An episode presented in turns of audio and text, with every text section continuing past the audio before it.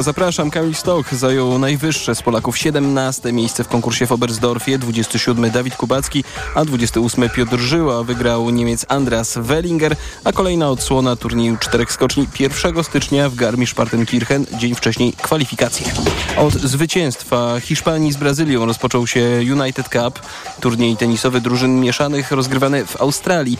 Jutro po raz pierwszy zagra w nim Polska, która do Perth przyleciała z Igą Świątek i Hubertem Hurkaczem w składzie składzie. Przemysław Pozowski. Hurkacz i Świątek wczoraj w Australii surfowali, a zdjęcia rodem ze Słonecznego Patrolu oczywiście obiegły media społecznościowe, gdzie nasza mikstowa para zyskała już zresztą nowy przydomek, Hubiga. Jutro jednak czeka ich wyzwanie już tenisowe w postaci meczu z Brazylią, która dziś przegrała 1 do 2 z Hiszpanią. Świątek zagra około godziny 10 polskiego czasu z Beatriz Hadaszmają, która dziś w dwóch setach pokonała Sarę Sorribestormo. Hiszpania, z którą zmierzymy się w poniedziałek, nie przyjechała zresztą do Perth w najsilniejszym składzie. Nie ma wicelidera rankingu ATP Carlosa Alcaraza, nie ma też Pauli Badozy. Z Brazylią grał zarówno w singlu, jak i w mikście z Soribę Stormu Alejandro Dawidowicz-Fokina. W polskiej kadrze, której kapitanem jest trener Igi Świątek Tomasz Wiktorowski, są jeszcze natomiast i oni też surfowali Jan Zieliński, Daniel Michalski, Katarzyna Kawa i Katarzyna Peter. Przemysław Pozowski, TOK FM. I jeszcze na koniec e, piłkarska Ekstraklasa. Janusz Niedźwiedź został nowym trenerem ekstraklasowych piłkarzy Ruchu Chorzów. Zastąpił na tym stanowisku Jana Wosia. Kontrakt Niedźwiedzia z Ruchem ma obowiązywać do czerwca 2025 roku, a Ruch w tabeli zajmuje przedostatnie 17 miejsce. Pogoda. W nocy przewaga chmur nie powinna padać tylko na południowym wschodzie, na północy deszcz ze śniegiem. Temperatura do 2 stopni Celsjusza na północy kraju, około 5 w centrum do 8 stopni na południowym zachodzie. Radio TOK FM. Pierwsze radio informacyjne. Lista przebojów TOK FM. Jakie radio? Taka lista. Piątek jest już nie tylko po 19.20, ale wręcz po 20.00. Bartosz Dąbrowski, dobry wieczór po raz wtóry już dzisiaj, ale być może właśnie słuchaczko, słuchaczu włączyłeś radio w tym momencie. No więc zapowiadam, co się wydarzy. Otóż przez najbliższą godzinę będziemy podsumowywali 2023 rok w liście przebojów TOK FM. Będzie dużo wspomnień. No, jakim dodatkowym przymiotnikiem należałoby je określić, to już każde z nas decyduje według własnego gustu. Zacznijmy od listy 591. To była pierwsza lista w roku 2023 i zaczynaliśmy między innymi fragmentem wypowiedzi Adama Glapińskiego. TOK 7. Jeszcze raz życzę Państwu miłych świąt, zdrowych. Nie kłóćcie się na tematy polityczne, ekonomiczne przy stołach rodzinnych, świątecznych. To nie jest warte tego. Trzeba mówić o miłości, o uczuciach, o zdrowiu, o tym, jak sobie radzimy jako kraj, jako rodzina. Polityka, gospodarka są ważnymi rzeczami, ale nie są naprawdę najważniejsze z perspektywy y, życia. Trzeba nakierować swoje myślenie na, na dobre elementy. Jak odczuwamy brak miłości, a nie mamy w pobliżu kogoś atrakcyjnego, komu moglibyśmy zaufać, to kupcie sobie psa, kota. I to bardzo uspokaja. No ja mam pesymistyczną sytuację pod tym względem, bo mam bardzo, bardzo stare psy, które no właściwie są wyciągnięte poza poza statystyczny kres, dwie, wilczurki, dwie ogromne wilczurki, jedna ma 13, druga 12 i jest ogromne są kłopoty z nimi. Muszę wydłużyć czas wychodzenia z domu do, do bardzo długiego czasu, żeby sprzątać, pomagać w sprzątaniu, no ale, ale to jest ogromna radość i satysfakcja. Kotka ma 18 lat i odpukać jest bardzo bardzo zdrowa, ale się domaga coraz więcej pieszczot. Wracam wieczorem do domu, to w ogóle nie mogę zmienić pozycji siedzącej na inną, no bo i to niezależnie od tego, jak jest wysoka inflacja, proszę Państwa, czy, czy groźba ze strony Rosji, naprawdę człowieka uspokaja, no. Dobra książka oczywiście. I spotkania z rodziną, jeśli rodzina się nie gryzie, bo tak też bywa. Jeśli się gryzie, no to życzenia też trzeba złożyć i dobrze życzyć. Ale jak jest rodzina miła, fajna, no to jest bezcenny skarb. Ja niestety już tego nie mam, no bo y, praktycznie nie, nie, mam tej dużej rodziny, ale wspominam, jak siedziało 12 osób. Teraz siedzimy sami z żoną najczęściej. No taka jest sytuacja, ale wszystko w życiu ma swój, swój porządek. Dziękuję bardzo, do widzenia. Dziękujemy bardzo, wszystkiego dobrego, do zobaczenia. Któż mógł wówczas spodziewać się, że Adam Glapiński, a raczej jego bonmoty ze stand-upów będą pojawiać się tak często w liście przebojów w roku 2023. Wszystkich oczywiście nie zacytujemy teraz, można je odnaleźć na tokfm.pl, a my wracajmy do wspomnień. Także styczniowa lista 593, tym razem Krzysztof Kwiatkowski u Dominiki Wielowiejskiej.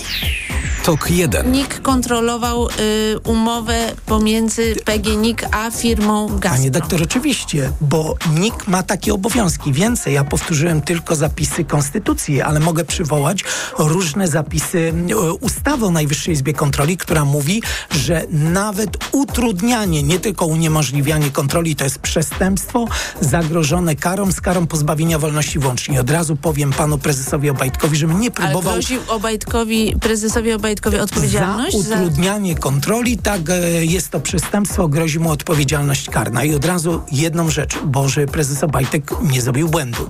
Niech nie krytykuje, brońcie Panie Boże tej ustawy. Autorem ustawy o NIK z lat 90. jest ówczesny prezes Najwyższej Izby Kontroli świętej pamięci Lech, Lech Kaczyński. Kaczyński. Panie Obajtek, Panie Danielu, niech Pan nie popełni błędu i nie mówi, że ta ustawa jest źle sformułowana, bo to się dla Pana źle skończy. No nie, akurat prezes Obajtek mówi, że właśnie ustawa w takim kształcie nie pozwala mu wpuścić kontrolę. Ale, ale więc- ustawa dokładnie nie tylko mu pozwala, ale wprowadza obowiązek zagrożony karą, e, z karą pozbawienia wolności włącznie, jeżeli nie tylko uniemożliwia, ale nawet utrudnia przeprowadzenie tej e, Czy pan by kontroli. nie wykazał się minimum zrozumienia dla Prawa i Sprawiedliwości, że y, i dla pre, prezesa Obajtka, że bał się y, obniżać y, ceny w listopadzie i grudniu? doktor, ja zacznę od tego, że prezesa Obajtka usprawiedliwię, bo wszyscy pomstują na niego, że nie ma dopuszczenia do tajemnic prawnie chronionych. A jak chłop ma mieć? Jak ankietę się zgłasza w ten sposób, że na początku się wykazuje cały majątek i pokrycie w legalnych źródłach dochodu, jak się ten majątek nabyło.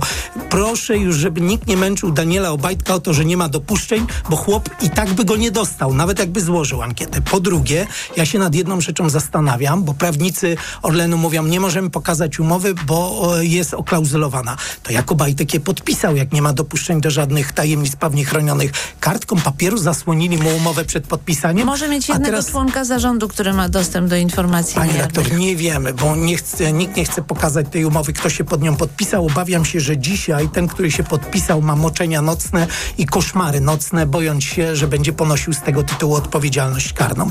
Ceny paliw. Ceny paliw e, pod koniec grudnia mieliśmy najdroższe w całej Unii Europejskiej, jeżeli odliczy się podatek. Tak, Daniel Obajtek, przepraszam, przetrzepał nasze mm, portfele, a kolokwialnie mówiąc młodzież by powiedział, orżnął nas na grubą, e, grubą kasę. E, Co najmniej eksperci szacują 2 miliardy złotych e, dodatkowego zysku. To jest z tego względu, że Orlen nie obniżył, chociaż powinien obniżyć po spadkach cen e, ropy na giełdzie, nie obniżył cen. Uwaga, ropa teraz jest na świecie tańsza niż była przed wybuchem wojny. Po co to zrobił Daniel Obajtek? Bo wtedy on ściągał kasę z nas obywateli, a od 1 stycznia ściąga rząd, bo podwyższył podatki do maksymalnej taryfy 23%, chociaż Musimy wcale tego kończyć. Unia nie wymagała. No nie, Unia prosi, żeby U- trzymać... y, To znaczy U- tak, tu jest sytuacja bardziej skomplikowana. Unia nie wymagała 23% stawki Tak, VAT na paliwa. Każde państwo to samo ustala. Oczywiście. I mówmy o Ale tym, bo Unia premier chce, Morawiecki... żeby VAT był stabilny na paliwo i wedle podstawowej stawki. No jednak takie zalecenie jest. Ja rozumiem, że Mateusz Morawiecki najbardziej stabilny VAT to by uznawał 100%, e, bo to, to będzie taka stabilność, że nas przytłoczy Musimy przy tym kończyć. dystrybutorze do, e, do podłogi. To był fragment poranka Radio Tok FM. Teraz e, będzie z kolei e, fragment audycji Cezarego Łasiczki. Gościem był profesor Mirosław Wyżykowski. TOK 1. Moim zdaniem będzie to długi proces, dlatego że to będzie proces odbudowywania, e, e, bo są zgliszcza konstytucyjne. E, za chwilę mamy e, niedzielę, orkiestrę. E, Owsiaka, bohatera narodowego. Ciekawe, czy nic nie ma już. mówił, nie, ale będzie mówił o e, pieniądze będą zbierane na e, przeciwdziałanie e, sepsy. Sepsie, prawda? Czyli posoczu. No i y, to, to jest tak jak z y, tym y, stanem organizmu, który y, y, jest zaatakowany posoczem, y, czyli sepsą. My mamy sytuację antykonstytucyjnego posocza, które niszczy cały system państwa. I jeżeli tak, to musimy zgodzić się na to, że z, z, zatrzymujemy proces niszczenia, mamy wcześniej przygotowane, bo są przygotowane projekty aktów prawnych, które pozwolą na y, powolne wychodzenie i musimy jeszcze starać się, ale żadne gwarancje prawne nie pomogą, aby nigdy nie doszło do e, powstania antykonstytucyjnej satrapii, z czym mamy do czynienia w tej chwili w Polsce. Ja, panie profesorze, przeczytałem, że zasadniczo można wyleczyć sepsę, jednak następstwem sepsy mogą być trwałe powikłania. Ale... I to prawda w polityce też. I w systemie prawnym również. Jakże symbolicznie brzmią te słowa wobec problemów, którzy, które mają obecni e, rządzący, ci, którzy właśnie przejęli władzę, właśnie z tym całym nieporządkiem prawnym, jaki PiS po sobie zostawił. No ale właśnie tak to bywa, że słowa, które padają w ciągu roku, mimo że już zwróciliśmy na nie uwagę, to po pewnym czasie bywa, że pojawiają się w zupełnie nowym świetle i bywa, że są jeszcze mocniejsze niż pierwotnie nam się wydawało. Teraz będzie bardzo słynne wystąpienie Janusza Kowalskiego w Sejmie. Tok 3. Szanowna Pani Marszałek, i czemu się drzecie opozycjo? Panie Borysie Budko w rajtuskach. Wy mówiliście o złodziejstwie tutaj? Wy, którzy pozwalaliście okradać Polaków mafiami VAT-owskimi, mafiami lekowymi, dzisiaj głosujecie przeciwko LZS-om, dzisiaj jesteście przeciwko Polakom, którzy walczą o wolność i suwerenność. Nie podoba Wam się minister Czarnek, nie podoba Wam się minister Ziobro, bo odkrył afery w, być może największą aferę w warszawskim ratuszu. Złodzieje, zapytajcie się, co dzieje się w Warszawie. Afera, afera ze śmieciami.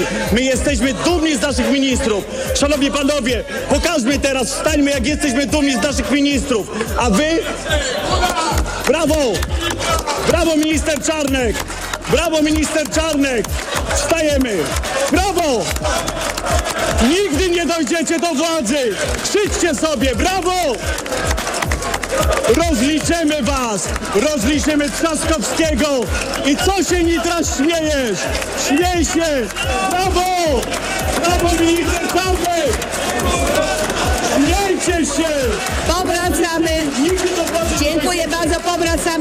Rozpatrzenia punktu 14 porządku dziennego. Sprawozdanie Komisji Kultury i Środków Przekazu o przedstawionym przez Prezydium Sejmu przez poselskich projektach uchwał 550. rocznicę urodzin Mikołaja Kopernika. Komisja wnosi o przyjęcie projektu uchwały z druku 2997. Głosujemy. W liście przebojów pojawiają się nie tylko słowa bardzo pamiętne i bardzo mocne, pojawiają się też słowa, które zrobiły na nas wrażenie z innego powodu. Mateusz Morawiecki. Tok 2. Remiza jest takim centrum życia, centrum e, życia społecznego, lokalnego.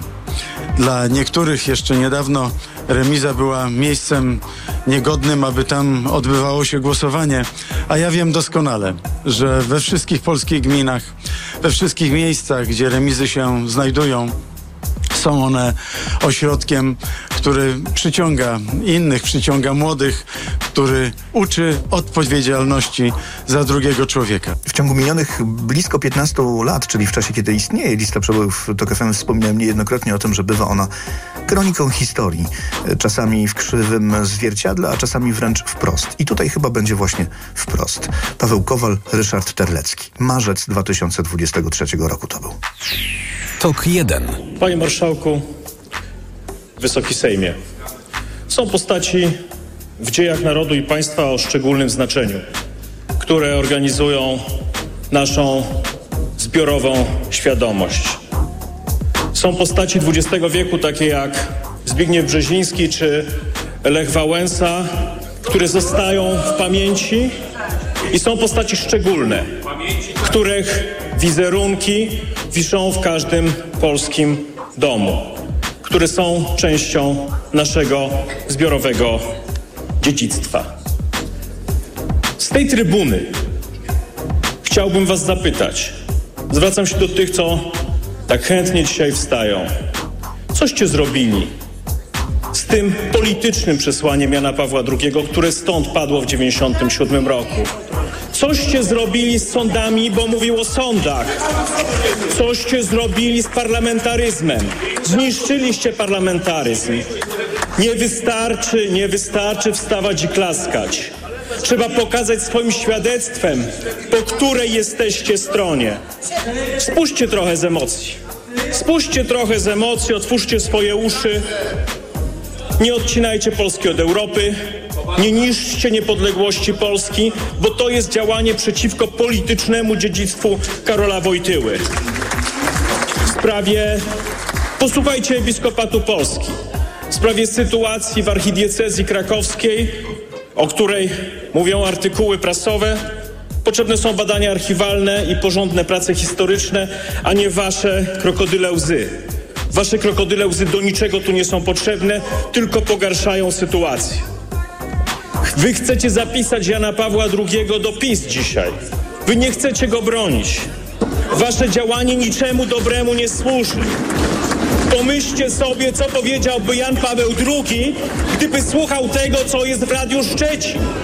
Pomyślcie sobie, co by czuł, oglądając dziennik telewizyjny jak za Urbana, który codziennie pokazujecie. To jest prawdziwe dziedzictwo polityczne Jana Pawła II. Pomyślcie, co by mówił, gdyby słuchał o chamskiej hołocie. To wasze słowa, prezesa Kaczyńskiego. Gdyby słuchał Janusza Kowalskiego, który mówił o skundlonej opozycji. Wy jesteście w stanie potem się powoływać na Jana Pawła II? A poseł Żalek i szybka ścieżka? Wam się to wszystko klei? Wy uważacie, że pomagacie? Jakiej wy sprawie służycie? Wy jesteście faryzeusze i dlatego my do waszej akcji się nie przyłączymy.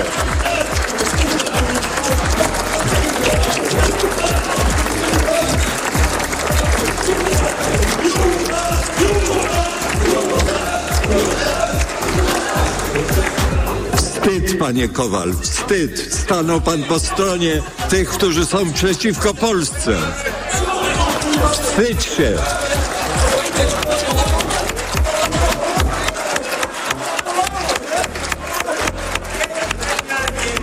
No to teraz e, propozycja z tego samego wydania listy przebojów TOK FM, wydanie numer 601. Cezary Tomczyk. TOK 4. Ja już nawet miałem, szczerze mówiąc, nie zabierać głosu, ale muszę przekazać Państwu informacje z ostatniej chwili. Tę debatę transmitują media w całej Polsce. Jest transmisja w TVN24, Pols y, Polsat News transmituje tę debatę i chciałem Państwu pokaz pokazać i powiedzieć, co puściło TVP Info. TVP Info puściło wypowiedź tylko pana posła Suskiego. Tak wygląda dzisiaj demokracja w Polsce według TVP Info. Tylko pan poseł Suski, a potem, a potem widzowie TVP Info powiedzą, że poziom debaty był niski. Przed nami nagranie, na które zwracam uwagę szczególnie, tak jak zwracałem uwagę szczególnie wówczas, kiedy je prezentowałem po raz pierwszy, dlatego że w pewnym momencie zauważyłem, że w programie posiedzeń Sejmu na koniec są wystąpienia posłów, oświadczenia po prostu. Trwają najczęściej około minuty, no i niektóre są zwyczajne, niektóre są nudne, niektóre są nie wiadomo o czym a niektóre zapadają w pamięć bardziej. Przed nami zatem króciutka próbka tego fragmentu sejmowych obrad, kiedy większość posłów idzie do domu, zostają na sali tylko ci, którzy chcą wygłosić oświadczenie i oświadczają między innymi w tym stylu. Waldemar Andzel, Konrad Berkowicz, Małgorzata Gosiewska.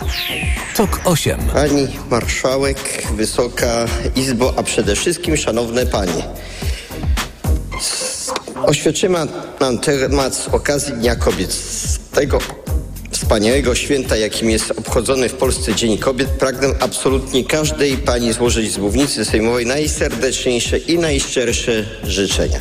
Obyście zawsze były zdrowe, szczęśliwe i kochane przez najbliższych. Obyście zawsze mogły realizować się na płaszczyźnie rodzinnej i zawodowej. Niechaj osiąganie zamierzonych celów przychodzi Wam z łatwością, a uśmiech niech towarzyszy każdej godzinie Waszego życia. Jedno jest pewne, gdyby to kobiety całościowo rządziły światem, nie byłoby żadnych wojen i konfliktów zbrojnych. Co najwyżej pewne kraje nie rozmawiałyby ze sobą lub byłyby na siebie obrażone. Wszystkiego dobrego. Przepraszam. Bardzo dziękujemy, panie pośle. Przepraszam. Pan poseł Konrad Berkowicz, Konfederacja.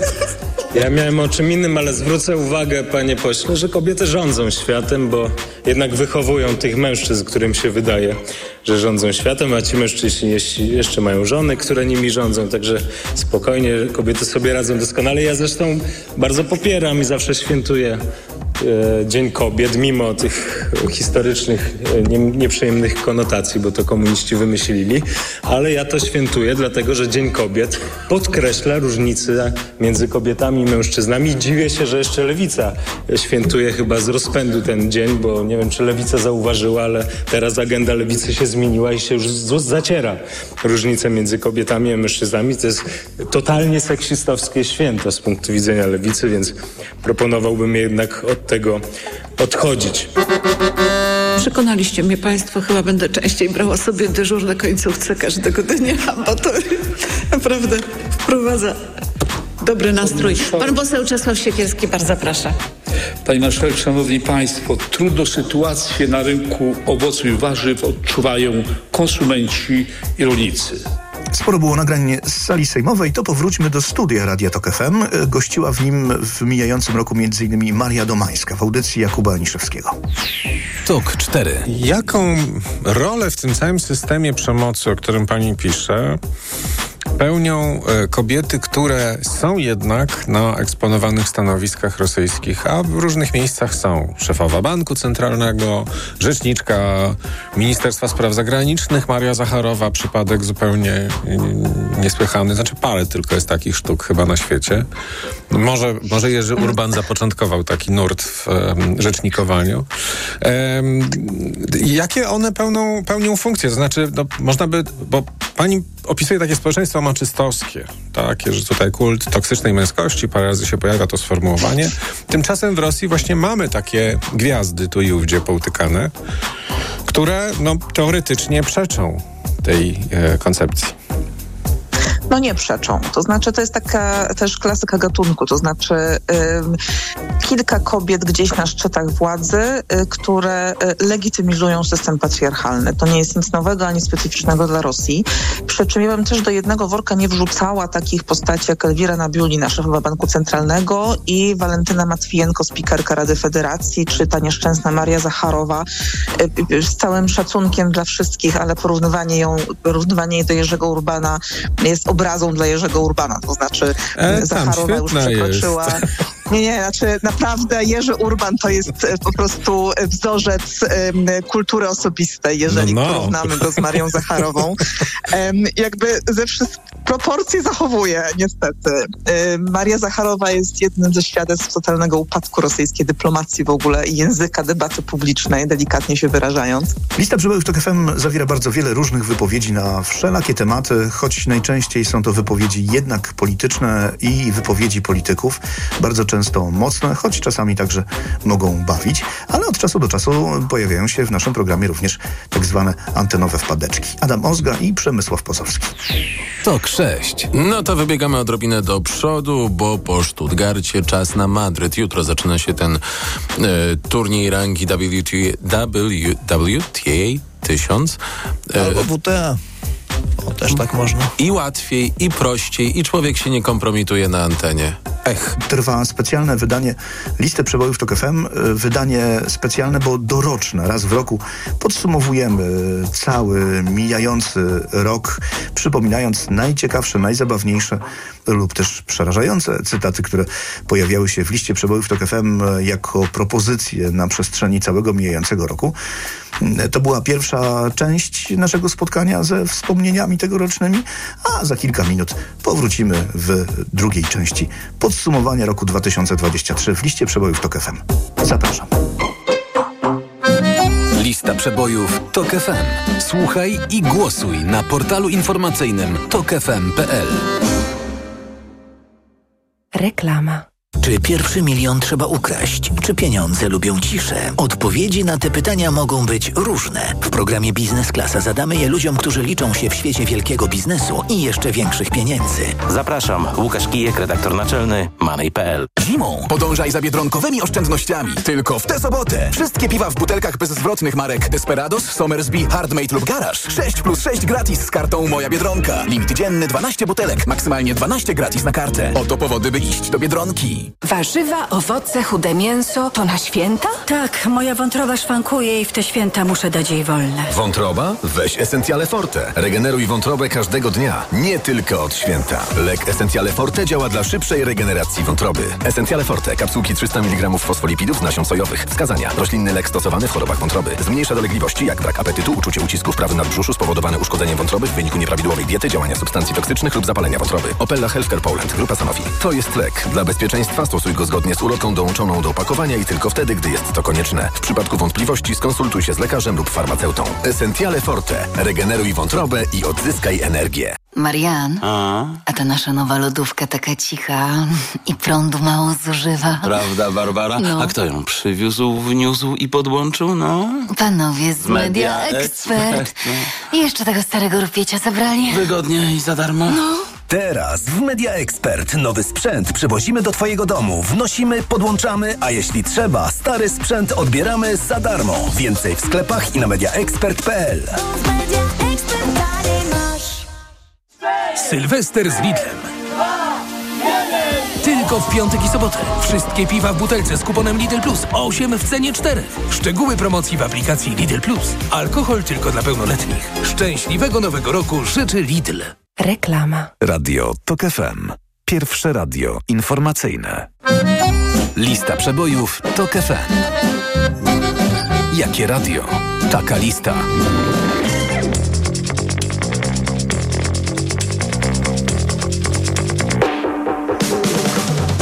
Lista przebojów TOK FM, wydanie doroczne, wydanie doroczne, bo tylko raz w roku, pod koniec, podsumowujemy cały rok e, w propozycjach do listy przebojów TOK FM. Ten wybór nie jest e, wynikiem arytmetycznym liczby oddanych głosów, ani też zestawieniem samych pierwszych miejsc w liście przebojów, e, bo oprócz nagrań, które rzeczywiście wygrywały, pojawiają się te, które moim zdaniem są najbardziej pamiętne, także to jest wybór półobiektywno, półsubiektywny. Bartosz Dąbrowski, zapraszam na drugą część naszego spotkania ze wspomnieniami. Od czego zaczniemy tym razem? Poezję Mateusza Morawieckiego pisane w Excelu będziemy wspominali jeszcze zapewne bardzo długo, mimo że już e, ów mężczyzna premierem nie jest i dość dużo czasu upłynie, zanim ewentualnie ponownie nim się stanie, ale myśli strzeliste pozostaną między nami, jak wspomniałem, na dłużej. Nie tylko dlatego, że pojawiają się na stronie na Facebooku, która często bywała bardzo dla mnie pomocna przy poszukiwaniu perełek z wypowiedzi pana premiera Morawieckiego, ale także dlatego, że pozostają również w archiwach, annałach listy przebojów TOK FM. Proszę bardzo, oto jeden z fragmentów. TOK 2. Tak jak w rolnictwie nie ma dobrych plonów bez ciężkiej pracy, tak nie ma dobrej polityki bez wiarygodności. Przed nami propozycja z listy przebojów e, numer 614. No I tam pojawiła się bardzo ciekawa myśl, która została natychmiast w bardzo dobitny sposób skomentowana przez pozostałych uczestników dyskusji. W rolach głównych w tym nagraniu Anna Maria Żukowska, Bartłomiej Wróblewski i Miłosz Motyka.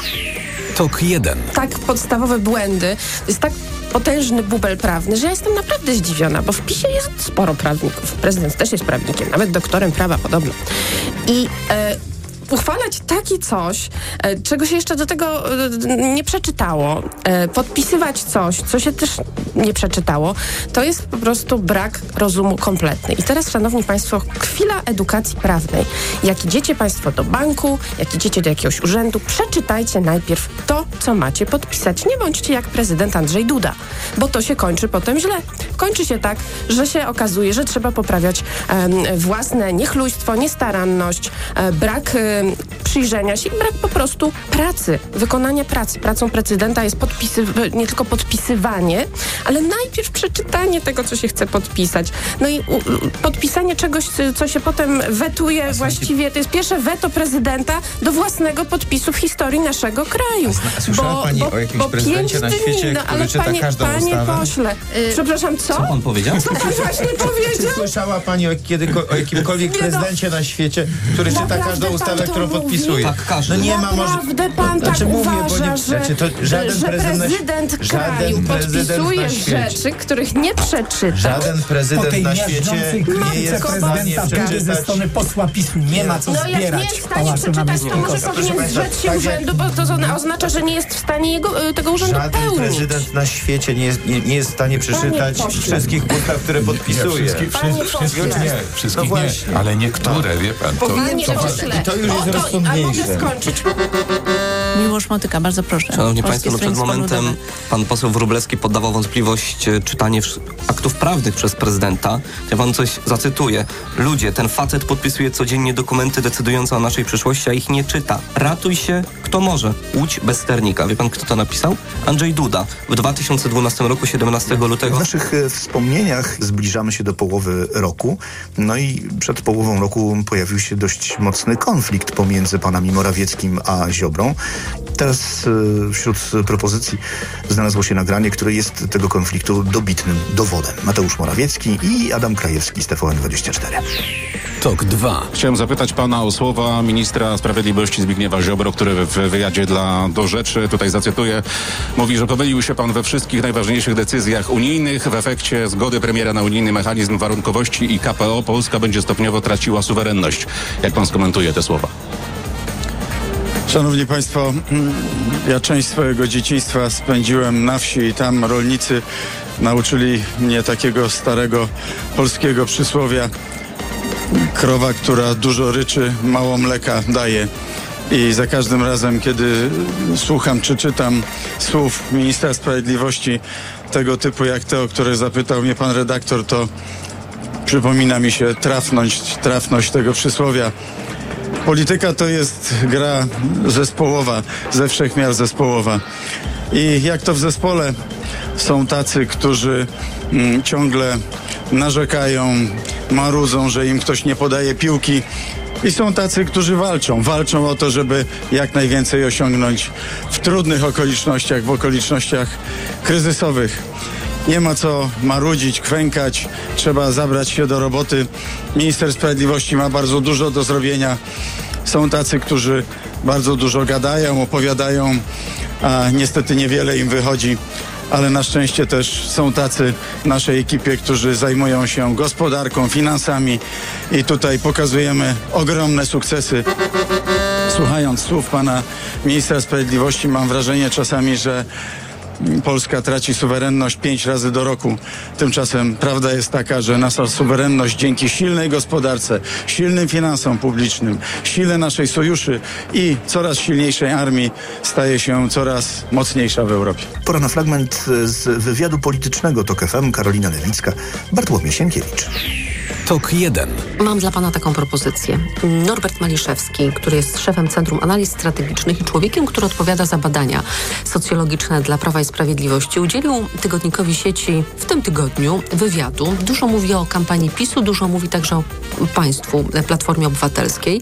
Pozwoli Pan, że przytoczę kilka cytatów i poproszę o odniesienie się do nich. Najpierw o No, PiSie. niechętnie się będę odnosił do Norberta Maliszewskiego, Ym, ale no, ym, pani tak? tu rządzi.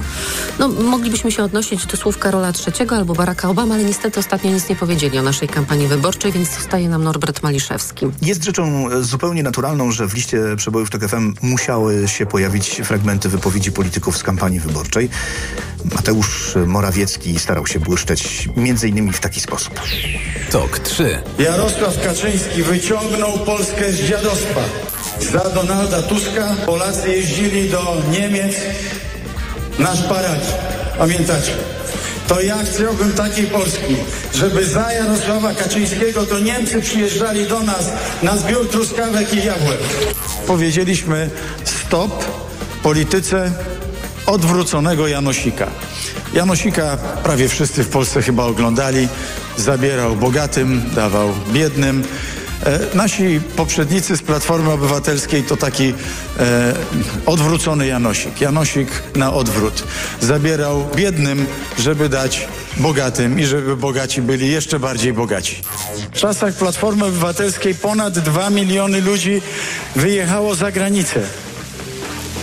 Po siedmiu latach rządów Donalda Tuska wyjechał za granicę nawet Donald Tusk. Tacy to mistrzowie partactwa. Jeszcze raz TVN. Szanowni Państwo, a jeszcze raz Tak, TVN. tak, to ja bym jeszcze tylko do Ale tego- to najpierw się zwrócę do pana Donalda Tuska. Panie Donaldzie, dzisiaj na konferencji prasowej na 6 czy 7 pytań, 5 czy 6 ze strony TVN-u. No niechże pan mia, ma tą odwagę i chociaż połowę pytań ze strony telewizji publicznej dopuści, odpowie. E, proszę nie uciekać, proszę się nie bać. Proszę bardzo, pan redaktor TVN-u. No ale wypowiedzi polityków to nie tylko monologi. Czasem trzeba im zadawać pytania i wtedy bywa, że pojawia się problem. Reporter TOK FM Wawrzyniec Zakrzewski i Mateusz Morawiecki. TOK 1. Bardzo proszę, następna redakcja. Dzień dobry, Wawrzyniec Zakrzewski, Radio Tok FM. Mam pytanie do pana premiera. Chciałbym wrócić do sobotniego wiecu Prawa i Sprawiedliwości w Bogatyni, na który, jak napisał e, Onet, dotarł pan rządowym samolotem. Chciałem się dowiedzieć, dlaczego na partyjną imprezę e, podróżuje pan e, na koszt państwa. Szanowni Państwo, ja się przemieszczam po kraju samolotem i spotkania, które odbywam e, zwykle po, takim, em, po takiej podróży są z jednej strony rządowe, a zdarzają się również spotkania partyjne. Tam wówczas również doszło do spotkania, które miało charakter e, rządowy. A mm, e, co mógłby do pan premier publikacji- powiedzieć, o jakie spotkanie chodziło? a co do publikacji Onetu, to mogę powiedzieć o dzisiejszej publikacji, że w niej jest e, e, tyle prawdy co nic, że jest ona po prostu wystana z palca, nie ma żadnych planów co do zmian rządowych. Bardzo pan premier powiedział, jakie spotkania chodziło rządowe? Panie redaktorze, pan premier już się wypowiedział na ten temat. Bardzo proszę, następna redakcja. Jak już wspominałem, polityka w liście przebojów TOK FM zajmuje naprawdę dużo miejsca, ale nie wypełnia całości na całe szczęście. Pojawiają się również inne wątki. No i teraz będzie właśnie jeden z tych innych wątków, na które zawsze czekam i które bardzo lubię. Profesor Lech Majewski u Cezarego Łasiczki. TOK 5. Ważną rzeczą, która charakteryzuje Akademię Sztuk Pięknych w Warszawie, a także wiele innych uczelni, które, które, które, e, które są e, w Polsce, to, że bardzo ważne jest e, kształcenie ogólnoplastyczne, czyli rysunek i malarstwo. Wszyscy studenci Akademii Sztuk Pięknych potrafią rysować, malować i nie wiadomo, czym będą się zajmowali po studiach. Mało tego, jeszcze są wykształceni jako fotografowie, wszystko potrafią. Także y, w życiu tak jest, że zazwyczaj mm, miejsce, okazja, przypadek, prawda? E, No, różne sytuacje powodują, że człowiek coś zaczyna robić, prawda? Że nie ma takiego obowiązku, że jak skończył, prawda, Wydział Grafiki, Projektowanie, to musi pójść do agencji i tam być takim trybikiem, który gdzieś tam dorysowuje buty królewnie. Jakiej królewnie? No tej, co zgubiła buty, tej szła na bal. Z balu uciekała. Księżniczce. To był Kopciuszek. Kopciuszek. A to później królewną została. No to... No tak, ale to przecież nie, nie powie pan teraz do króla, że książę. Chociaż on jego całe A życie... całe życie mnie zagubiła. Nie, no tak, ale całe życie, prawda? całe życie był księciem i został królem na koniec, no. Na jaki koniec? Na koniec w ogóle, jak to się mówi, Kariery. drogi takiej, y, można powiedzieć, hierarchicznej. No, to jest, To trochę skomplikowane, ale wybrnąłem. Czasem w liście przebojów TOK FM pojawiają się nagrania reporterskie. Szczerze mówiąc, wolałbym, żeby było ich więcej, ale cieszę się z tych, które są także jak najbardziej.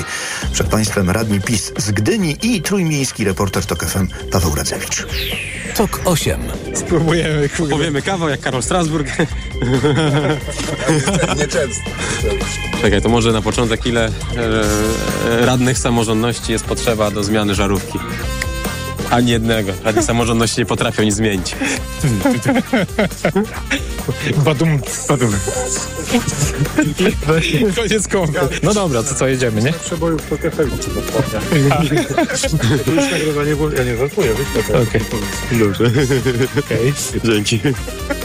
Jesteśmy już w połowie roku 2023. Przed nami lista 623 i powraca profesor Adam Glapiński, prezes NBP, ale będzie mówił może nie tyle o polityce, choć chyba jednak też, no ale y, ze szczególnym uwzględnieniem polityków. Posłuchajmy. Tok 1. My się do demokracji przyzwyczailiśmy, demokrację lubimy. My w naszej chrześcijańskiej kulturze nawiązujemy do starożytnej Grecji, a w szczególności od tych szczęśliwych 50 lat demokracji ateńskiej. Chcemy, żeby każdy człowiek miał prawo głosu. Chociaż korzysta tylko 50%. Ale ja dużo czytałem o demokracji greckiej, tam też były kłopoty. Tam też, proszę Państwa, do miejsca głosowania zaganiano ludzi siłą. Straż Miejska mazała smołą takie liny i zaganiała ludzi, żeby głosowali i brali udział w tej demokracji. Bo zwykły człowiek chce się najeść, chce mieć wolny czas, dobrobyt i uważa, że wszyscy politycy kradną i są idiotami. Taki jest pogląd, prawda, przeciętnego człowieka. No tak nie jest. Tak nie jest. Od kiedy istnieje świat do polityki, czy to się Państwu podoba, czy nie, bo wiem, że dziennikarze przecież też mają, wszyscy moi znajomi też mają podobny stosunek. Do polityki idą najlepsi ludzie. Alfy idą tak zwane, kiedyś tylko mężczyźni, teraz i kobiety. Idą ludzie twardzi, najbardziej inteligentni, najbardziej przedsiębiorczy, najbardziej pracowici.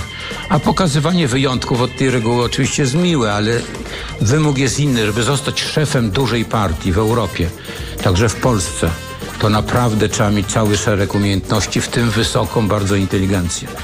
Bo jest ogromna konkurencja, bo obok tej alfy idzie tam dziesiątki innych alf, które też chcą. Jeśli dołak ja dobrze działa.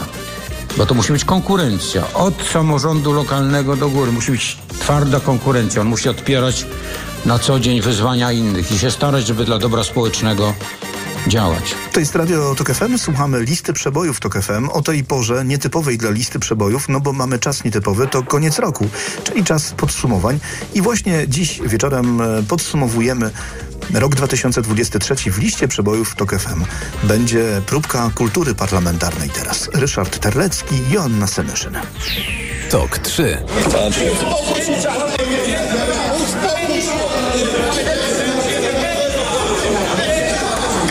Panie Krzaku, ale proszę pana ministra uspokoić. Ale jak? Ale wy się też grzecie jak osły. Inflacja przez 4 lata wyniosła blisko 50%, a liczba głodowych emerytów... Opozycja nie popiera przetrzymywania jej projektów ustaw w zamrażarce ani chamskich komentarzy wicemarszałków. A mimo to musi je tolerować, bo co ma zrobić? Pozwólmy, pozwólmy opozycji trochę pokrzyczeć, bo to jest dla nich ostatnia okazja. Po wyborach będzie ich połowa. Pan będzie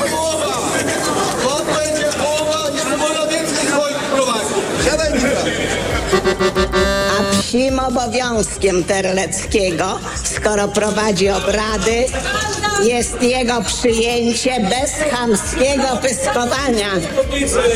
Ma przyjąć bez chamskiego pyskowania.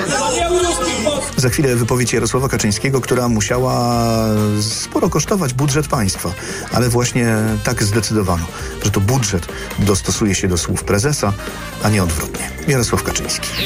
Tok 4. Ale ta dobra wiadomość. Otóż, jak wiecie Państwo, ustaliliśmy już i jest to już w tej chwili zawarowane prawnie, że tak zwana 14 emerytura jest już świadczeniem stałym.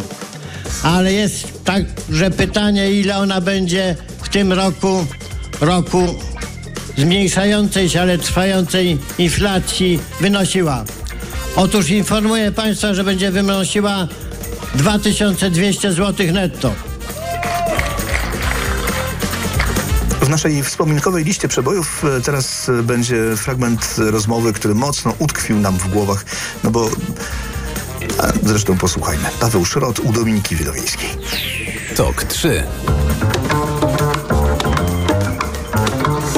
Poranek Radia Tok FM. Dominika Wielowiejska, witam ponownie. Gościem Radia Tok FM jest Paweł Szrot, szef gabinetu prezydenta RP, kandydat do Sejmu z Bydgoszczy z listy Prawa i Sprawiedliwości, okręg numer 4. Dzień dobry panie ministrze.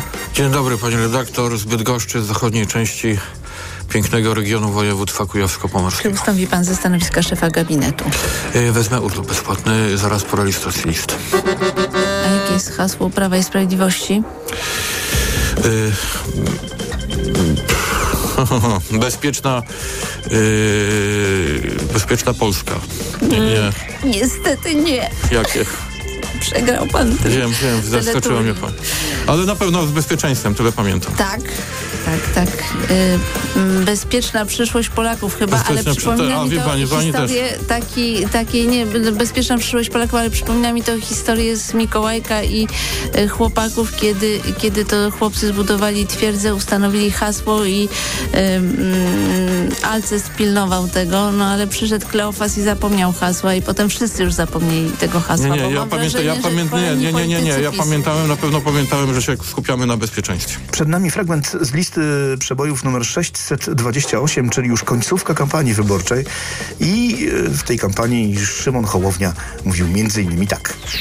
Tok 4. Polska musi być dziś krajem napędzanym nie ruskim, mongolskim czy kolumbijskim węglem, a polskim wiatrem, polskim słońcem. Ta wypowiedź kampanijna była dość e, specyficzna, ale jednak mimo wszystko nie pozbawiona uroku.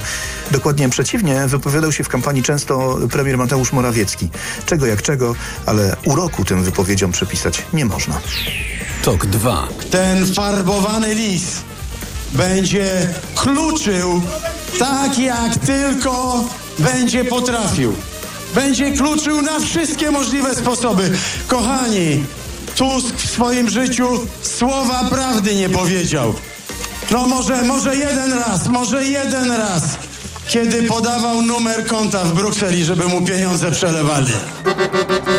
Jemu powiedzmy do widzenia albo auf Wiedersehen. On tak, tak to lepiej pewnie zrozumie. I niech sobie wraca tam skąd przyszedł, bo taka jest między nami różnica, między mną a nim, że ja rzuciłem złote bankowe trony dla pracy, dla państwa, dla Polski, dla Polaków, a on rzucił Polskę dla brukselskiej kasy i dla tamtych judaszowych srebrników. Kampania wyborcza w naszych cytatach z mijającego 2023 roku naprawdę już zmierza ku finałowi, a skoro zbliża się finał, to pojawia się także zmęczenie. Jarosław Kaczyński. Tok 1. Oni kłamią, kłamią i jeszcze raz kłamią. Przekonujmy ludźmi, ludzi, żeby szli, to po pierwsze na wybory, po drugie, żeby głosowali w referendum i to jak głosowali? Cztery razy tak, a cztery razy nie. O, przepraszam. O Jezu Maria. Panie Boże, wybacz mi. Przepraszam bardzo. Już człowiek jest stary, zmęczony. A, ale oczywiście cztery razy nie i czwórka. Czwórka w wyborach. Jeszcze raz powtarzam, bo już widzę, jak to będą wykorzystywali. Cztery razy nie, cztery razy nie i czwórka. I czwórka. Tak właśnie wyglądała końcówka kampanii wyborczej. No a skoro końcówka kampanii wyborczej, to wreszcie nadchodzi czas decyzji, czyli głosowanie, wybory.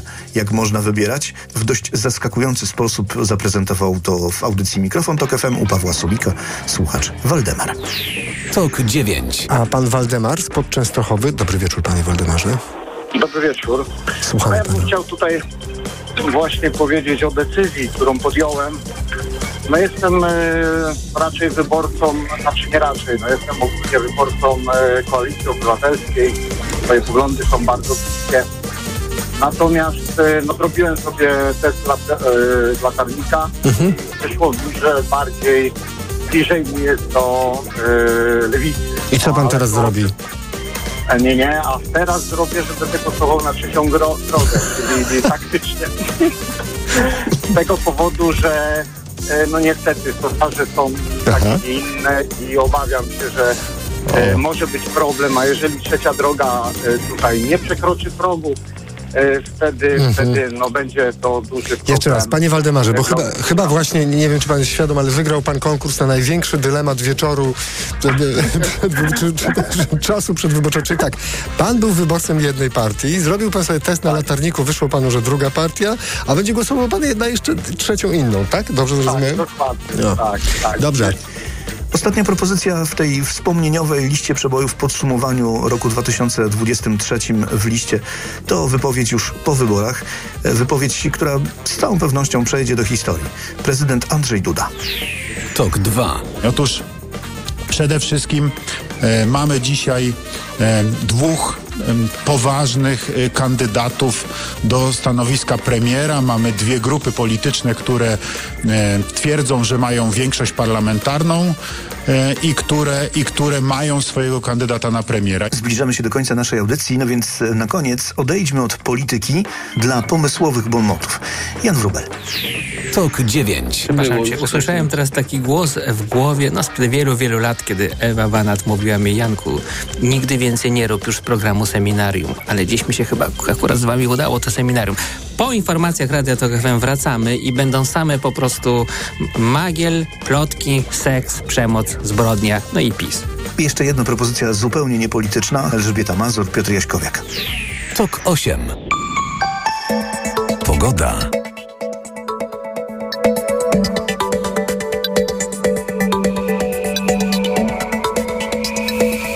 Pochmurno, deszczowo, jesiennie. Chórem dziś mówimy o pogodzie. Meteorolodzy zapowiadają przejaśnienia w północnej części kraju. A na termometrach 12 stopni w Trójmieście, 11 w Warszawie, w Poznaniu i we Wrocławiu 10, a w Kielcach nie więcej niż 6. Teraz już jednak e, trzeba będzie na chwilę do polityki powrócić, no bo e, symbolem nowych czasów stał się marszałek Sejmu Szymon Hołownia.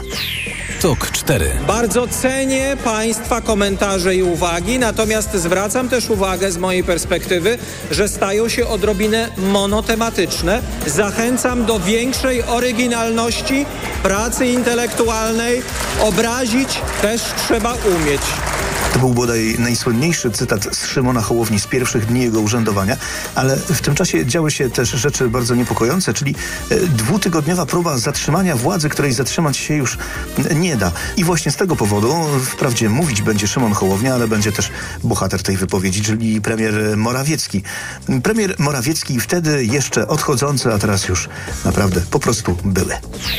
TOK 1. Ja nie znam nazwisk tych e, posłów, o których pan premier Morawiecki mówi, że z nimi rozmawia. Idę o zakład, że on też ich nie zna. E, e, no ale cóż można z tym więcej zrobić? Jeżeli ktoś przychodzi i mówi, że rozmawia z osobami, e, które nie wiedzą, że rozmawiały z tą daną osobą, to już jest e, fenomen, który wymyka się nawet jakimś kryterium politycznego kabaretu. E, nikt z nim nie rozmawia. To prawda jest boleśnie prosta. Nikt z nim nie rozmawia. I niezależnie od tego, jak długo i często on będzie powtarzał, że ktoś z nim rozmawia, to nadal będzie tak, że nikt z nim nie rozmawia. To się dzieje w głowie Mateusza Morawieckiego. To się dzieje w jego snach, marzeniach, wyobrażeniach, ale ten świat nie istnieje. Nie ma go. No i niestety musimy skonfrontować się ze smutną prawdą, że jeszcze przez dwa tygodnie ktoś, kto rozmawia z ludźmi, którzy nie istnieją, będzie premierem Rzeczpospolitej Polskiej. To był fragment 640 notowania listy przebojów TOK FM. Aktualne wydanie listy ma numer 644. Proszę głosować na tokfm.pl ukośnik lista. Można też odsłuchać sobie propozycji, które dziś pojawiły się w tej dorocznej liście podsumowującej. Oczywiście tam, gdzie podcasty tokfm.pl, czyli w naszej aplikacji mobilnej. No a kolejne wydanie listy tak, jak zwykle. Za tydzień w piątek po 19.20. Wszystkiego dobrego w nowym roku, udanego Sylwestra, a jeśli ktoś woli odwrotnie, to po prostu spokojnego, tak czy inaczej szczęśliwego nowego roku. Bartosz Dąbrowski, do usłyszenia w roku 2024.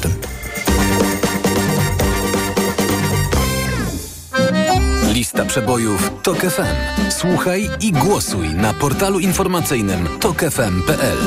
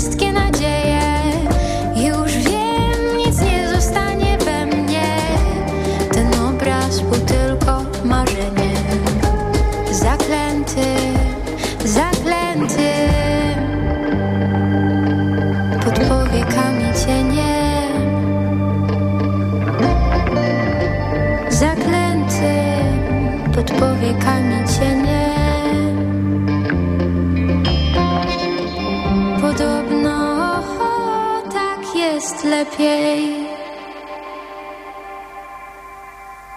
Podobno tak jest lepiej.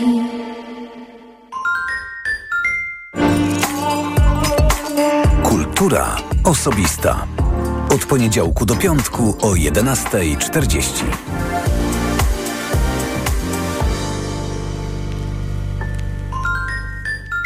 Reklama. Kochani, jesteście gotowi? Sylwestrowa eksplozja gratisów w Żabce!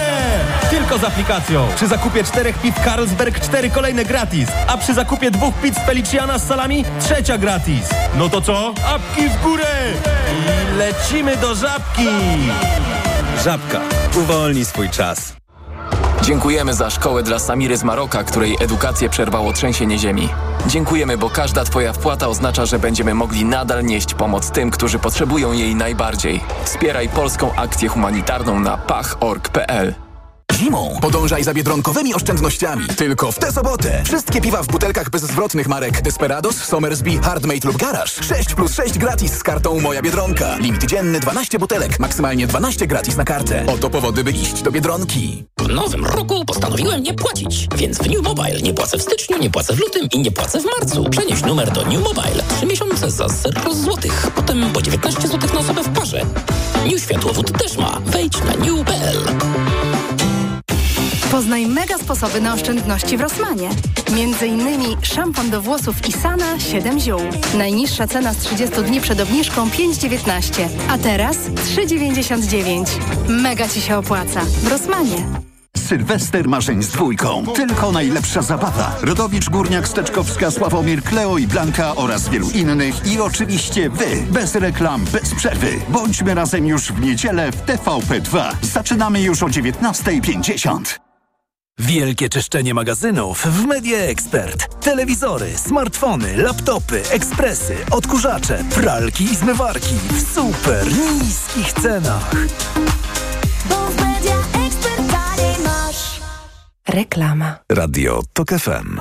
Pierwsze radio informacyjne. Piątek 29 grudnia minęła 21.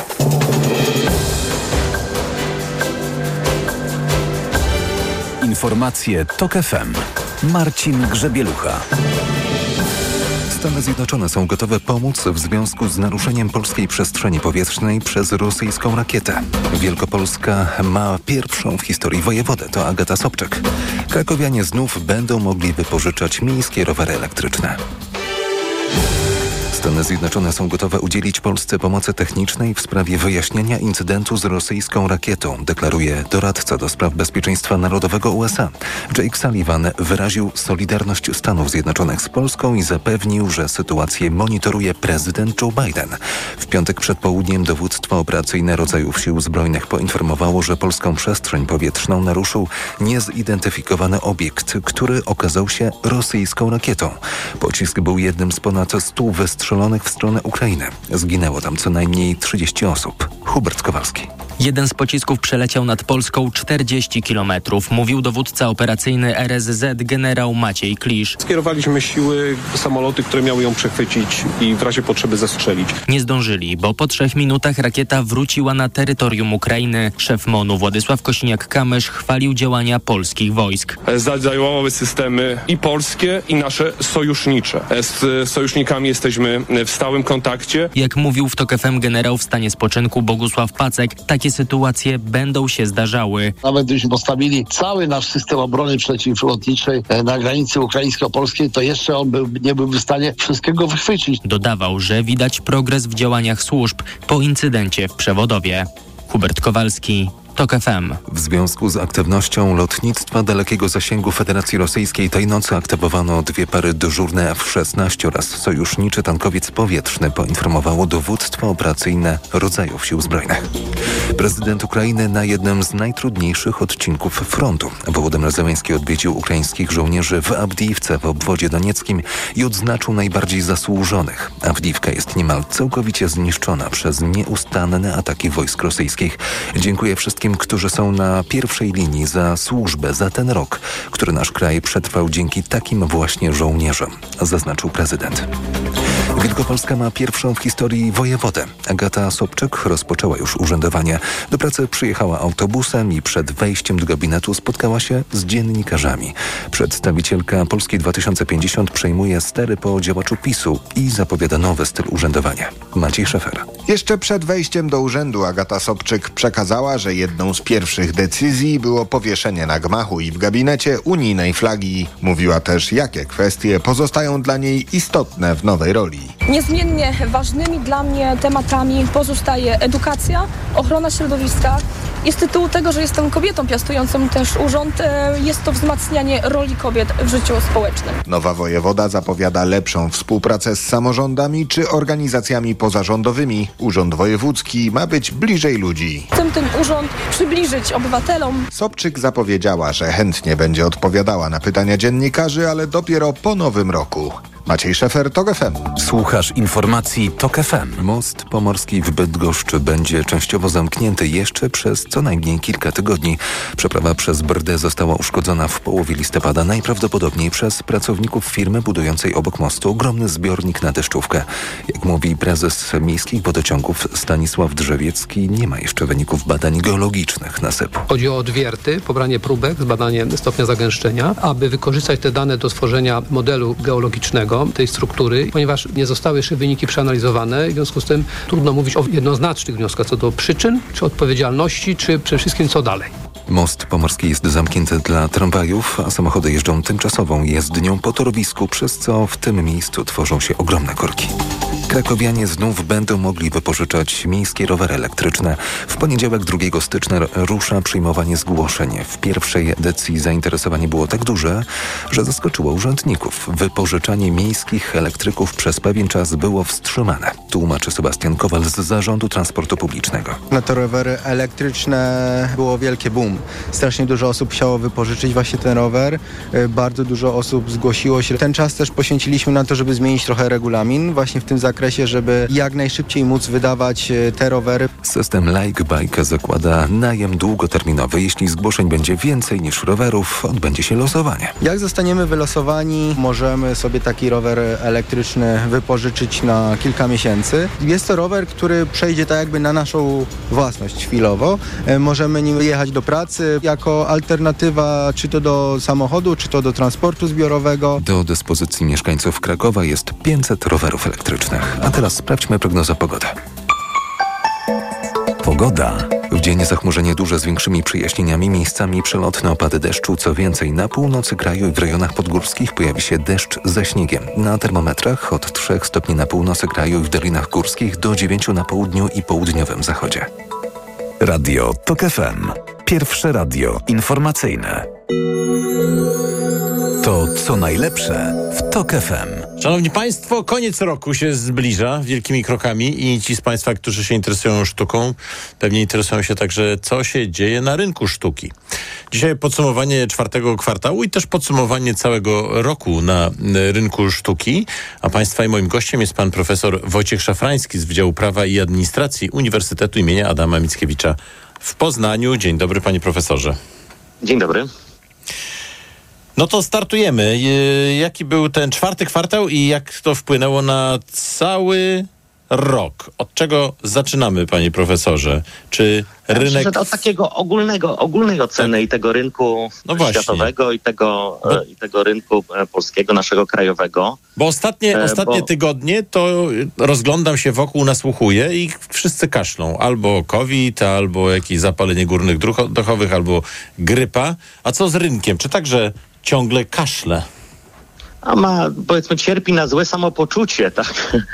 Ale głównie z uwagi na odbijającą się na nim taką sytuację geopolityczną, do tego oczywiście na tym międzynarodowym rynku inflacja, wysokie stopy procentowe. Ale ja myślę, że to, co jest e, kluczowe, to, to są te nadmierne oczekiwania e, tego, co było w latach poprzednich, czyli to, tak jak się mówi, a było tak dobrze, kolejny rok powinno być lepiej. No i myślę, że te oczekiwania powodują, że teraz ma gorsze samopoczucie rynek. Rzeczywiście i na rynku wtórnym, i na tym rynku pierwotnym w 2023 e, właściwie w każdym są w obrotach generalnie spadki, ale to nie jest tak, że jak są spadki, to rynek się załamał, bo to nie jest jeszcze e, kryzys, ani nawet bym powiedział oznaka tego, e, tego kryzysu. E, w, Stany Zjednoczone wygrywają z Chinami odwieczną wojnę na, w zakresie e, globalnego obrotu, no ale też mają oczywiście spadki, głębsze są w, w Chinach. Są spadki na rynku kolejnym, czyli na rynku brytyjskim, także na francuskim, na, na niemieckim. Właściwie na każdym z nich są pewne spadki. Polski rynek też się oczywiście nie, e, no, nie uchronił przed tymi, przed tymi spadkami, ale e, i tak na tym, w ramach tego międzynarodowego rynku chyba najlepiej wypada Azja, jeżeli chodzi oczywiście o globalny obrót.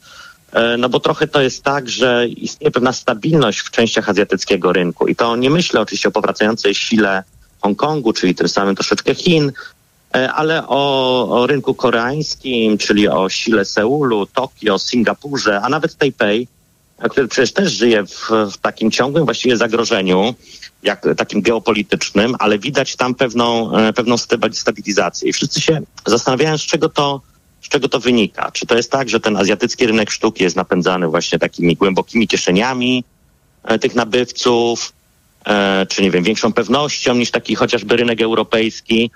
E, ja mam trochę takie przekonanie, że te głębsze kieszenie to tak nie do końca, to, to nie do końca tak, e, tak jest, bo przecież tych środków stezauryzowanych w różnych miejscach na świecie jest bardzo, bardzo dużo, ale myślę, że tam jest rzeczywiście taki trochę rodzaj e, e, innej struktury nabywców. Przede wszystkim nabywcy są młodsi tam, mają taki, takie, takie, tak można zacząć takie zjawisko, które coraz częściej się chyba pojawia, w, nie w odniesieniu do rynku sztuki, ale w, w takich badaniach socjologicznych jak technooptymizm, e, czyli właściwie trochę tak, że nawet jak są jakieś bolączki świata, no to właściwie u- udajemy taką, czy taką mamy umyślną ignorancję wobec różnych tego typu nacisków, czy takich elementów gdzieś unoszących się w tle, czy nawet jak jest cenzura większa, albo nierówności społeczne, albo jakieś konflikty geopolityczne, albo zbliżający się kryzys klimatyczny, właściwie on już jest, no to ta ignorancja jest trochę umyślna, taka nie, właściwie my się tym oczywiście przejmujemy, ale obok tego mamy swoje, e, swoje życie bieżące, no i je realizujemy, jeżeli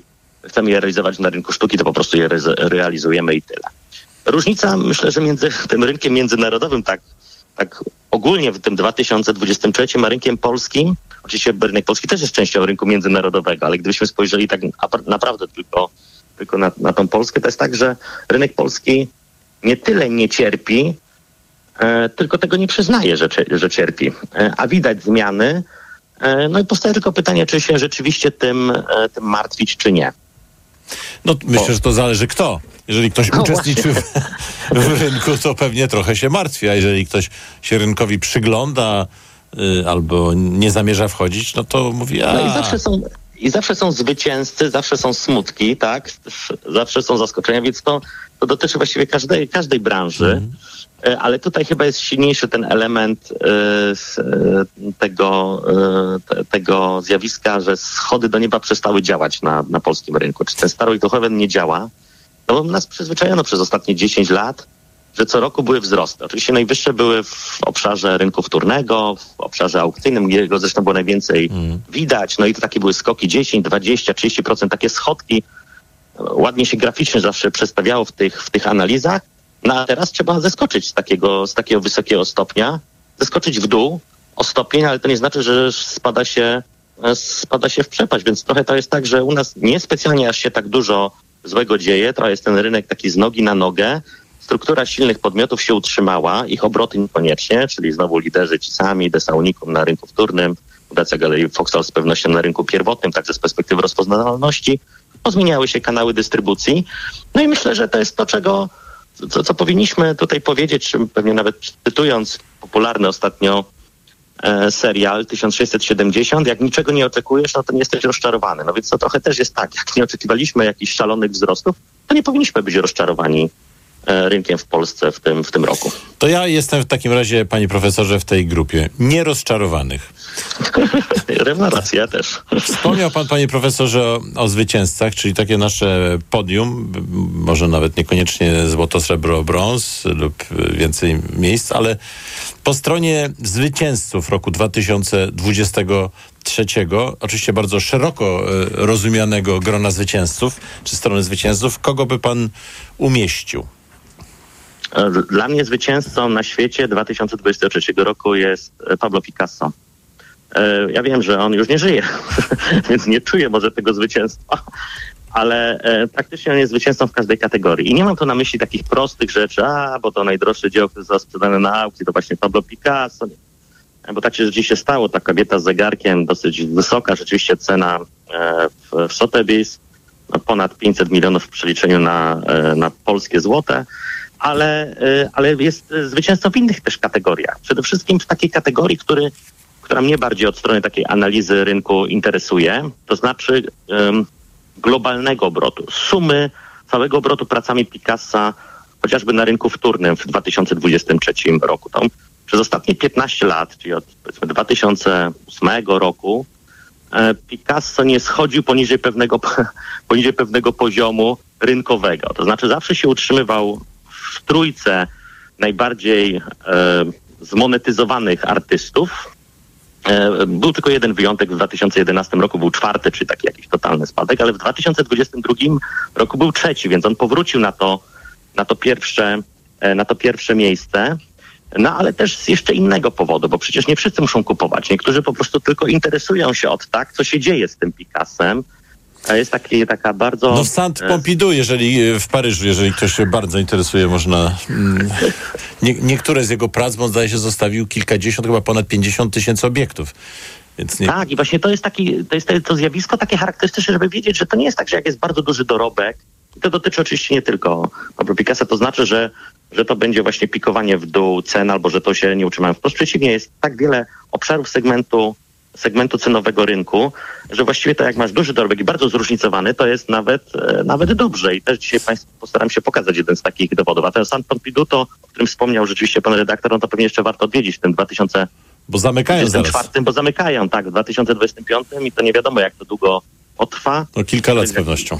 Jak jest szansa, to, to, to, zachęcam wszystkich do wyjazdu jeszcze w 2024 roku do San Pompidou, tak przy okazji. Tak, podobno e... ma, ma stracić ten industrialny wygląd i ma być wreszcie jakoś tak ładnie mm, tymkiem pokryty, pomalowany, może trochę bar baranek na dole. E, tak, żeby, ja myślę, że coś się jednak zmieni, że tam nacisku będzie, ludzie kochają strajkować, pikietować, więc myślę, że będzie więc będzie trochę, e, trochę inaczej. No. Dobrze. Powrócimy do naszej rozmowy po informacjach. E, przy okazji pytania od naszej słuchaczki pani Marty. Mm, e, jak wyglądał rynek sztuki w odniesieniu do NFT? O tym rozmawialiśmy, czyli do, do, mhm. czy rewolucja, czy plajta, więc to też jest jeden z wątków, mm, które poruszymy. Pan profesor Wojciech Szafrański z Wydziału Prawa i Administracji Uniwersytetu imienia Adama Mickiewicza w Poznaniu jest państwa i moim gościem.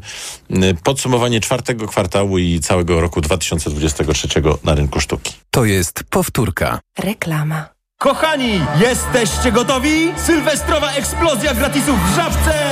Tylko z aplikacją. Przy zakupie czterech pit Carlsberg cztery kolejne gratis, a przy zakupie dwóch pizz Feliciana z salami trzecia gratis. No to co? Apki w górę!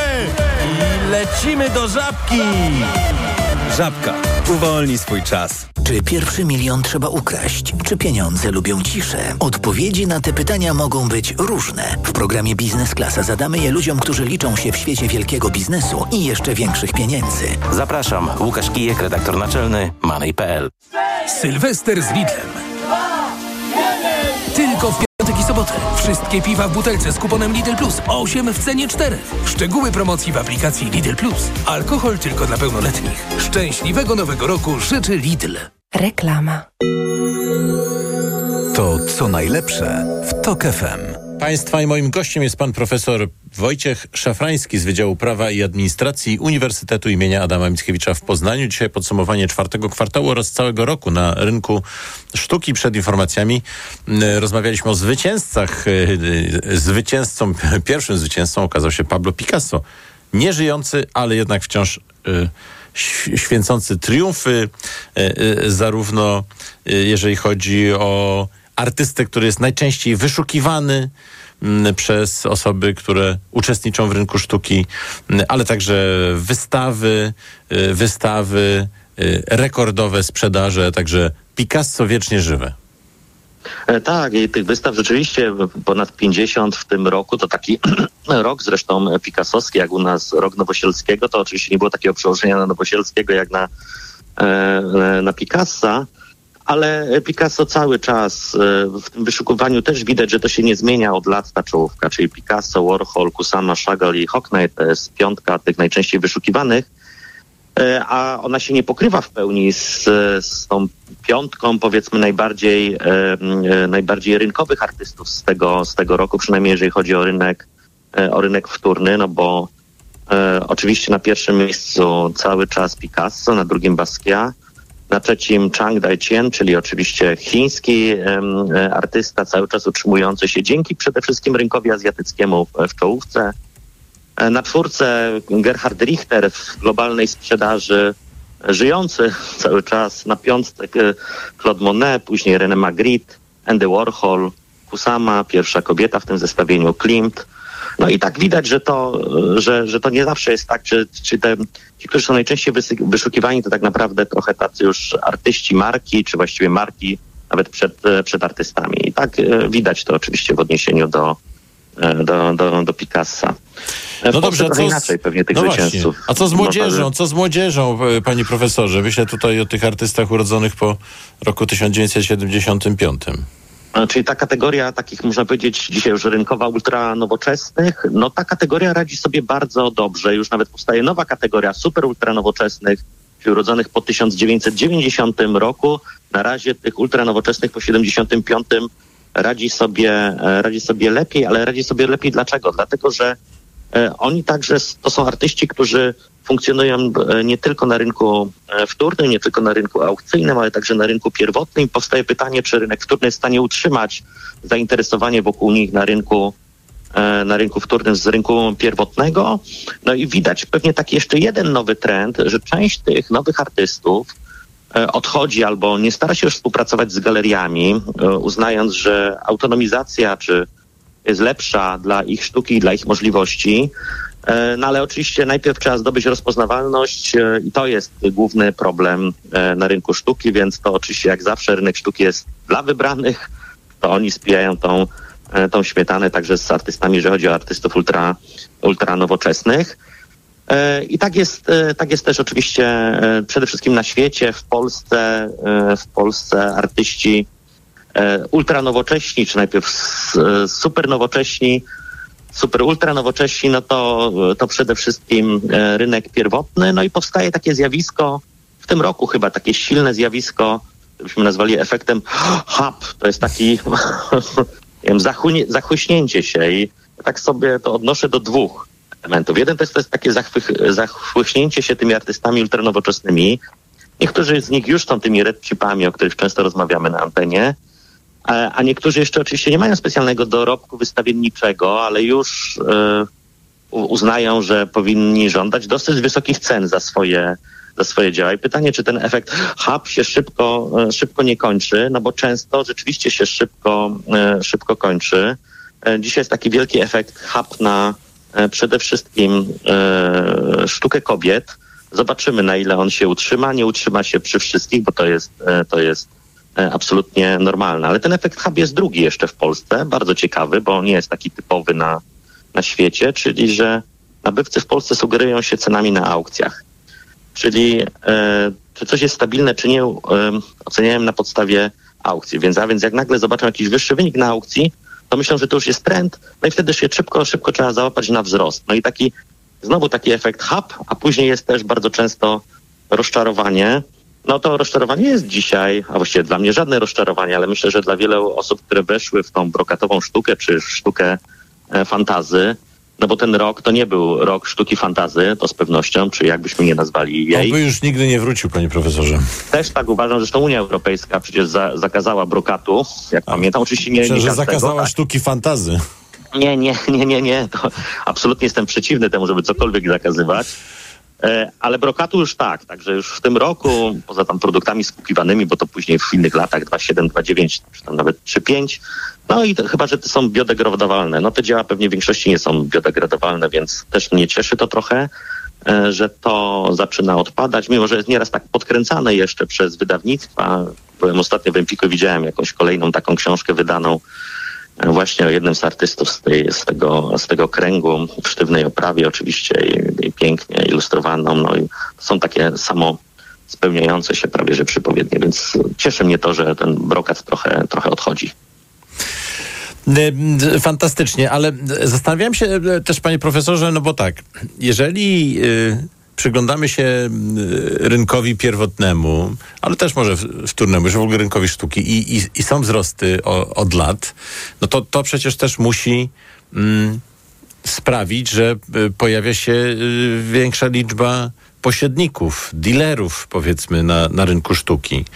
Y, Czy w jaki sposób możemy to zobaczyć, uchwycić, zbadać, zmierzyć?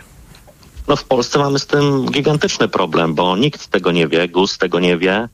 E, Myślę, że teraz Generalny Inspektor Informacji Finansowych coraz więcej będzie e, wiedział. Może też nowy rząd się bardziej zainteresuje, tak się interesuje chociażby rząd e, brytyjski rynkiem sztuki, bo wi- widzi, że to jest ważna gałąź gospodarki tak naprawdę i taki, oczywiście to nie jest tak, że rząd przygotowuje taki raport, ale w Wielkiej Brytanii ostatnio powstał taki, taki raport dotyczący właśnie dealerów, czy w ogóle e, handlujących, podmiotów handlujących na, e, na rynku sztuki.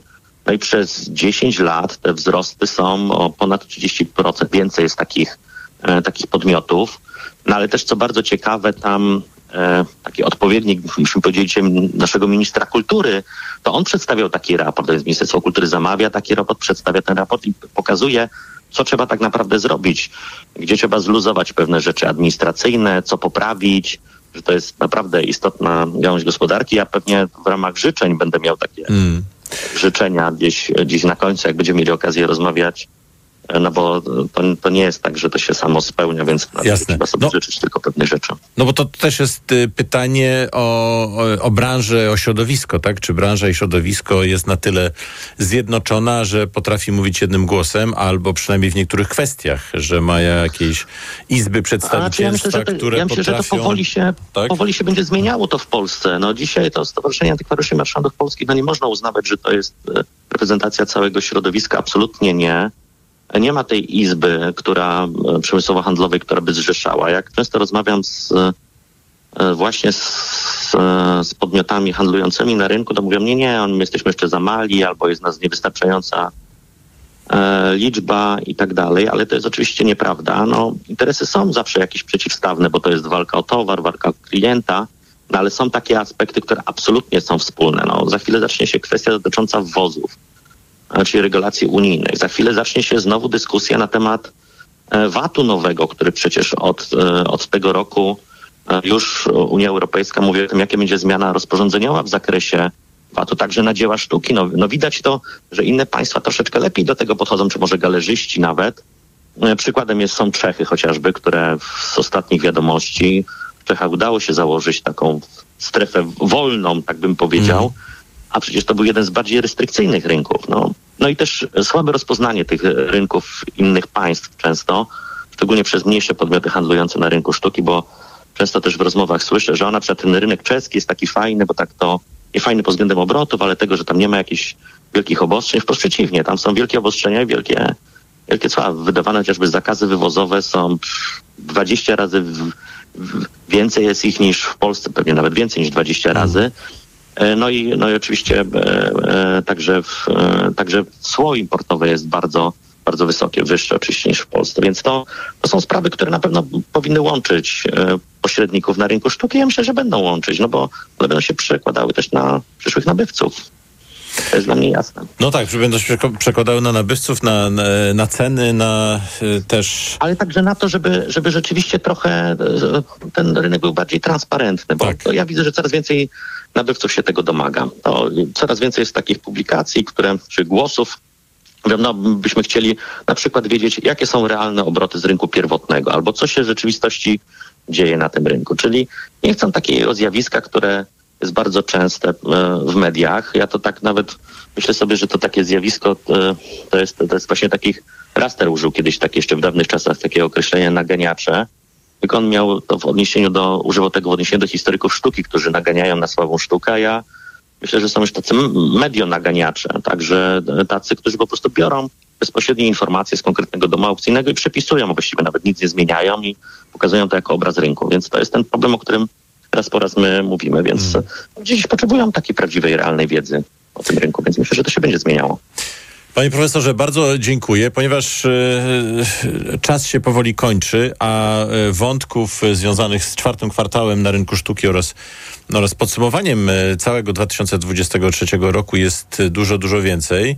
To jeżeli pan profesor znajdzie czas dzisiaj o godzinie 22, to zapraszam pana i nasze słuchaczki i słuchaczy mm, już teraz e, na program Interluda o godzinie 22, gdzie druga część naszej rozmowy, czyli dokończenie, podsumowanie kwartału e, czwartego na rynku sztuki oraz podsumowanie i spojrzenie na cały 2023 rok.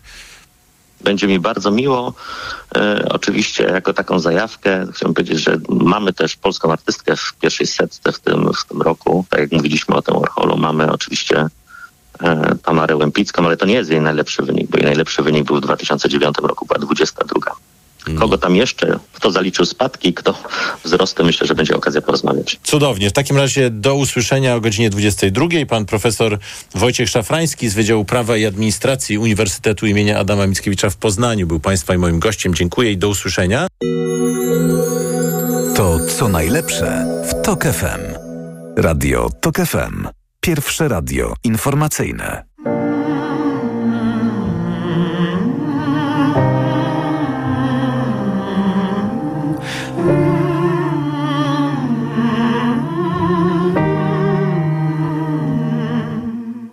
Słowa,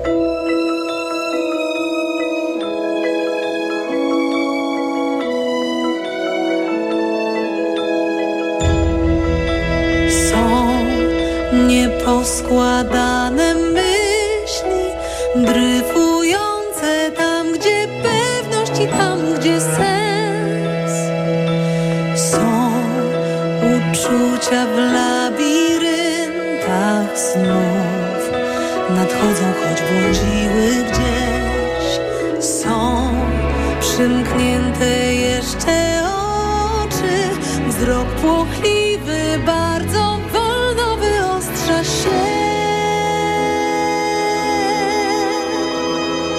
Są westchnienia między nami, i gdy pulsuje szybciej w życiu.